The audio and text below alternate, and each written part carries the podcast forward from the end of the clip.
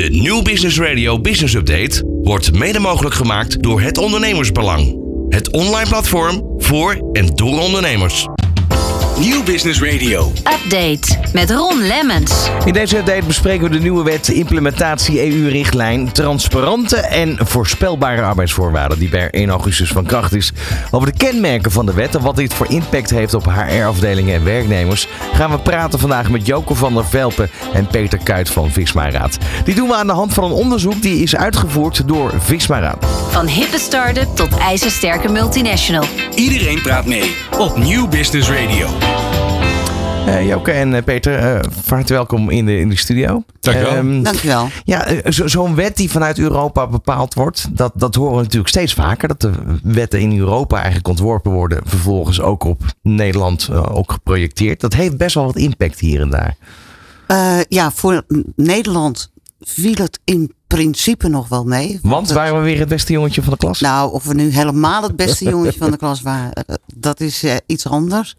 Maar een hoop zaken waren in Nederland al goed geregeld. Uh, alleen het is hier en daar gewoon wel even wat aangescherpt en wat helderder neergezet. Dat een werkgever bepaalde verplichtingen heeft naar zijn werknemer toe. En dat ook correct moet doen. Nou lijkt het net of dat uh, halfwerkend de werkgevers dat niet gedaan hebben.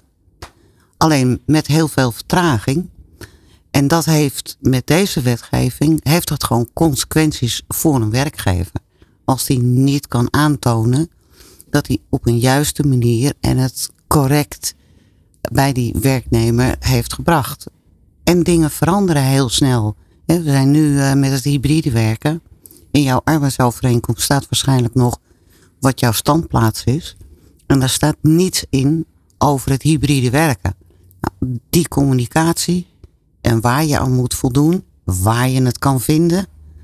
Dat is wel meer de verantwoordelijkheid van de werkgever om dat goed over te brengen naar een werknemer. Ja, wat betekent dit uh, feitelijk nu voor HR-afdelingen met bestaande contracten bijvoorbeeld? Of, of gaat het echt pas in op het moment dat een contract nieuw is, opnieuw wordt ondertekend?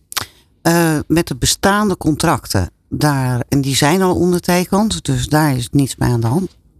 Maar op het moment dat er wijzigingen gaan komen, de standplaats gaat veranderen, uh, andere zaken worden daaraan toegevoegd, dan krijg je een nieuwe arbeidsovereenkomst en die moet ondertekend worden. Maar ook heel bazaal, iemand uh, in de organisatie gaat een andere functie doen. En op het moment dat hij die functie gaat doen, uh, ingaande die datum, moet er wel een nieuwe getekende arbeidsovereenkomst zijn. En het is met meer zaken als je uh, nieuwe regelingen intern bij werknemers over de bühne gaat brengen, moet je dat gewoon op een juiste en correcte manier doen. En je moet het als werkgever ook kunnen laten zien dat jouw werknemer dat ook op een juiste manier heeft ontvangen. Ja, want in de wetgeving staat ook dat elke wijziging in de arbeidsvoorwaarden bij bestaande dienstverbanden uiterlijk op de dag dat de wijziging ingaat, schriftelijk bevestigd moeten worden aan werknemers. Ja, klopt. Um, dat heeft denk ik een hoop impact op alle ja, processen die lopen binnen HR-afdelingen, toch? Ja, zeker Ron. Ja, het is heel goed dat, uh, dat je als medewerker goed beschermd wordt in deze. Hè? Want je moet op tijd worden geïnformeerd door je werkgever. Dat is, dat is gewoon hartstikke goed. Maar wat je wel ziet, is dat we aan de andere kant daarmee een werkgever wel weer extra belast, belasten in het administratieve proces. En want je moet een medewerker vaak informeren over wijzigingen. Je moet dat op tijd doen. Uh, sterker nog, uh, daar zal je ook wat meer over kunnen vertellen. Er staat zelfs een boete voor op het moment dat je dat niet doet. En ja, dat betekent wel dat je dat goed uh, moet bijhouden en administreren als werkgever. Maar normaal gesproken was het toch al dat op het moment dat je als werknemer het contract ondertekent, dat de arbeidsvoorwaarden daar ook eigenlijk tegelijkertijd overhandigd worden, getekend worden ook, toch? In principe. Normaal gesproken. Zou, zou, dat, op zou dat die, zo moeten zijn? Zou dat op die manier zou moeten zijn. Maar ja. uh, je krijgt een andere functie. Dus daar kunnen ook andere arbeidsvoorwaarden aan zijn. En dan moet je wel weer een nieuwe arbeidsovereenkomst uh, gaan doen. En je moet ook dat goed kunnen over, uh, overleggen. En om nog even in te haken op die boete. het is niet dat als een werkgever dat niet doet, dat hij een x bedrag moet gaan betalen. Maar op het moment dat een werknemer schade gaat ondervinden omdat hij niet goed is geïnformeerd, is de werkgever verantwoordelijk en aansprakelijk voor de geleden schade. En dat kan best wel, uh, wel oplopen. En dat hebben we ook al gezien bij redelijke recente uitspraken. Ja, dan praat je niet over uh, 50 euro boete. Nee, dus nee, dat, fikse boetes, wereldniveau. ja, de, de werknemer uh, ondervindt schade omdat hij niet goed en correct is geïnformeerd.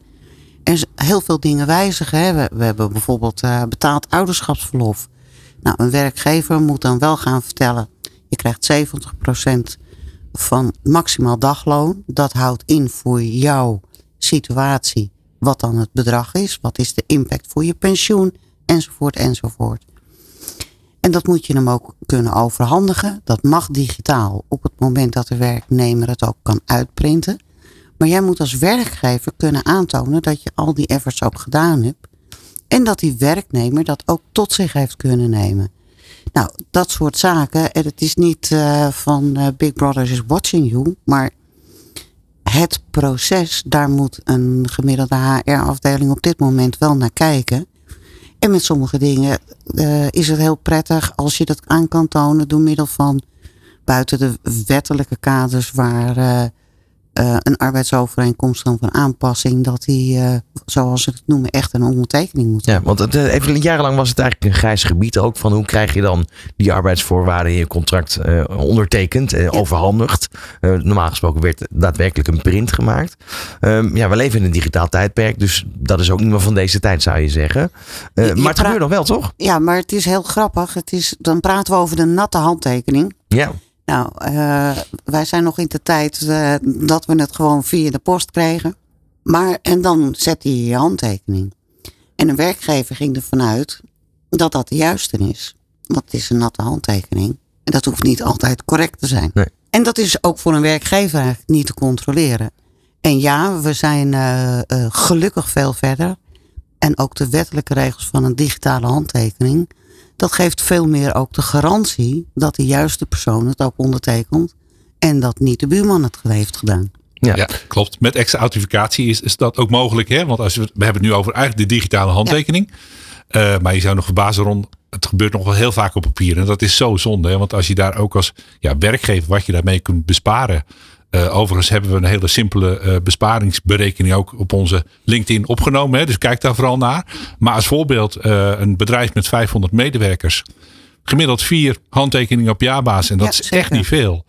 bespaar je 16.000 euro op jaarbasis. En dat is echt nog een, een relatief lage inschatting. Dus het is zo zonde dat. En daarom is dit wel een mooie aanleiding, ook deze nieuwe wetgeving. Dat we werkgevers nog meer mee kunnen nemen, eigenlijk in de digitale mogelijkheden van nu. Ja, wat, wat zijn de restricties over wat betreft die digitale handtekening? Ik heb verschillende vormen al voorbij zien komen. Ook bij het ondertekenen van stagecontracten en dergelijke. Um, wat, wat moet hier echt voldoen? Nou, het belangrijkste is eigenlijk dat, het, uh, als, dat je als opdrachtgever uh, ja, ook geautoriseerd bent door het ministerie. Hè, dat je dus een wettelijke digitale handtekening mag voeren.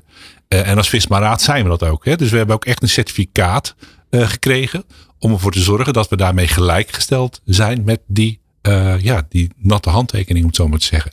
En dat is een heel belangrijk middel.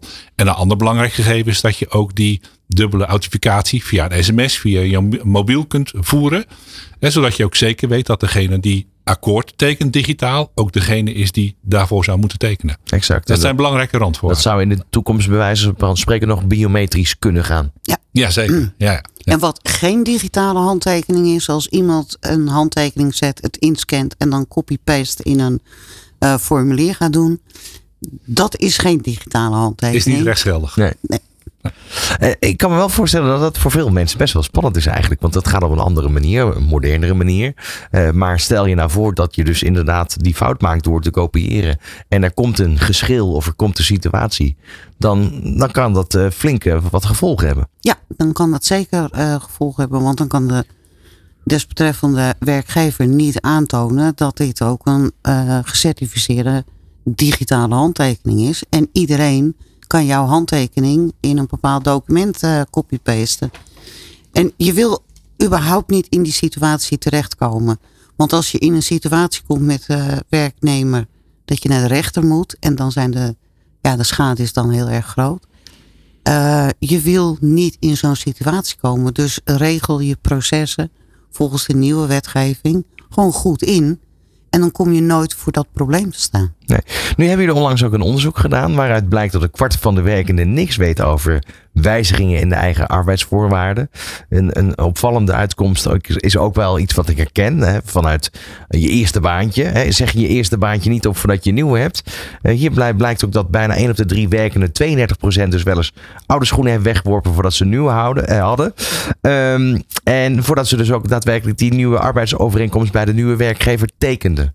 Herkenbaar, toch? Eh, ja, en dat heeft soms ook te maken dat er vertraging is om eh, het op die manier eh, ook de, naar de desbetreffende nieuwe werknemer te krijgen. Dus ook dat totale proces, dat hoeft allemaal niet meer op papier. Welkom nee. to 2022. Ook dat kan volledig digitaal. En dan kom je dus niet in deze ja, squeeze terecht dat iemand van goed vertrouwen van ik hoop wel dat ze me welkom heten op mijn eerste Ja, dag. wat, dat, er komt inderdaad ook een uitkomst. Dat 33% begon aan een nieuwe functie zonder een nieuw contract te tekenen.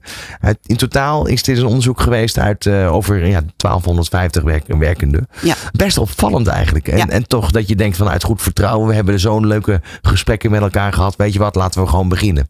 Ja, en op het moment dat het dan, dan fout gaat, eh, dan heeft de nieuwe medewerker, die gaat eh, gewoon schade lijden. En die gaat zijn nieuwe werkgever dan toch aansprakelijk stellen voor de geleden schade. Exact. En dan gaat het wel in de cijfers lopen. Want vaak heeft iemand al zijn baan opgezegd. En dat hele proces, ja, dat gaat dan fout. Over, over deze hele nieuwe wetgeving. Is daar voldoende over gecommuniceerd vanuit de overheid volgens jullie? Ja, vanuit de overheid eh, zeker. Eh, kijk, en het, het heeft natuurlijk nog meer zaken wat betreft de verplichte scholing, eh, de voorspelbare arbeidsvoorwaarden. Je kan ook op het moment dat jij een tijdelijk contract hebt, eh, kan jij aangeven dat je dat tijdelijke contract omgezet wil hebben. Eh, oproepkrachten die moeten nu duidelijk gecommuniceerd worden. Dit zijn de tijdframes waarin jij opgeroepen kan worden. Dus het behelst veel meer. En ook daarbij de controle van hebben we goed die informatie aan jou overgedragen. En maar je ziet ook het hele proces is wel veel meer digitaal geworden. Hè. We hebben het nu over de handtekening. Maar gelukkig zien we ook dat vanuit goed werkgeverschap wil je eigenlijk al voordat iemand start op die eerste dag. Dat hij eigenlijk al meer weet van je cultuur van je bedrijf. Precies. Dus we zetten daarnaast digitale handtekening. Maar we hebben ook digitale onboarding. Exact, waar je ja. eigenlijk al door je directeur welkom wordt geheten. Je collega's al leert kennen. Digitaal. Dus dat zijn de mogelijkheden waar eh, ja, moderne werkgevers nu wel veel meer gebruik van maken. In combinatie met die digitale handtekening. Dus ik vind dat wel een goed teken. Het is veel prettiger dat je dus weet waar je landt. eh, voordat je daar voor het eerst eh, ja, naar binnen loopt. Exact. Ja. Duidelijk is de kennis, die hebben jullie. Ehm, Ik kan me voorstellen dat eh, als er meer informatie nodig is, dat dat eh, makkelijk kan toch? Ja, tuurlijk. Ze kunnen altijd contact met ons opnemen. Geen enkel probleem. Dankjewel voor deze update over de nieuwe wet, hè, de EU-richtlijn Transparante en Voorspelbare Arbeidsvoorwaarden, die dus per 1 augustus van kracht is. Tot zover deze Nieuw Business Radio update. Vandaag met Joke van der Velpen en Peter Kuit van Visma Raad. Van hippe start-up tot ijzersterke multinational. Iedereen praat mee op Nieuw Business Radio.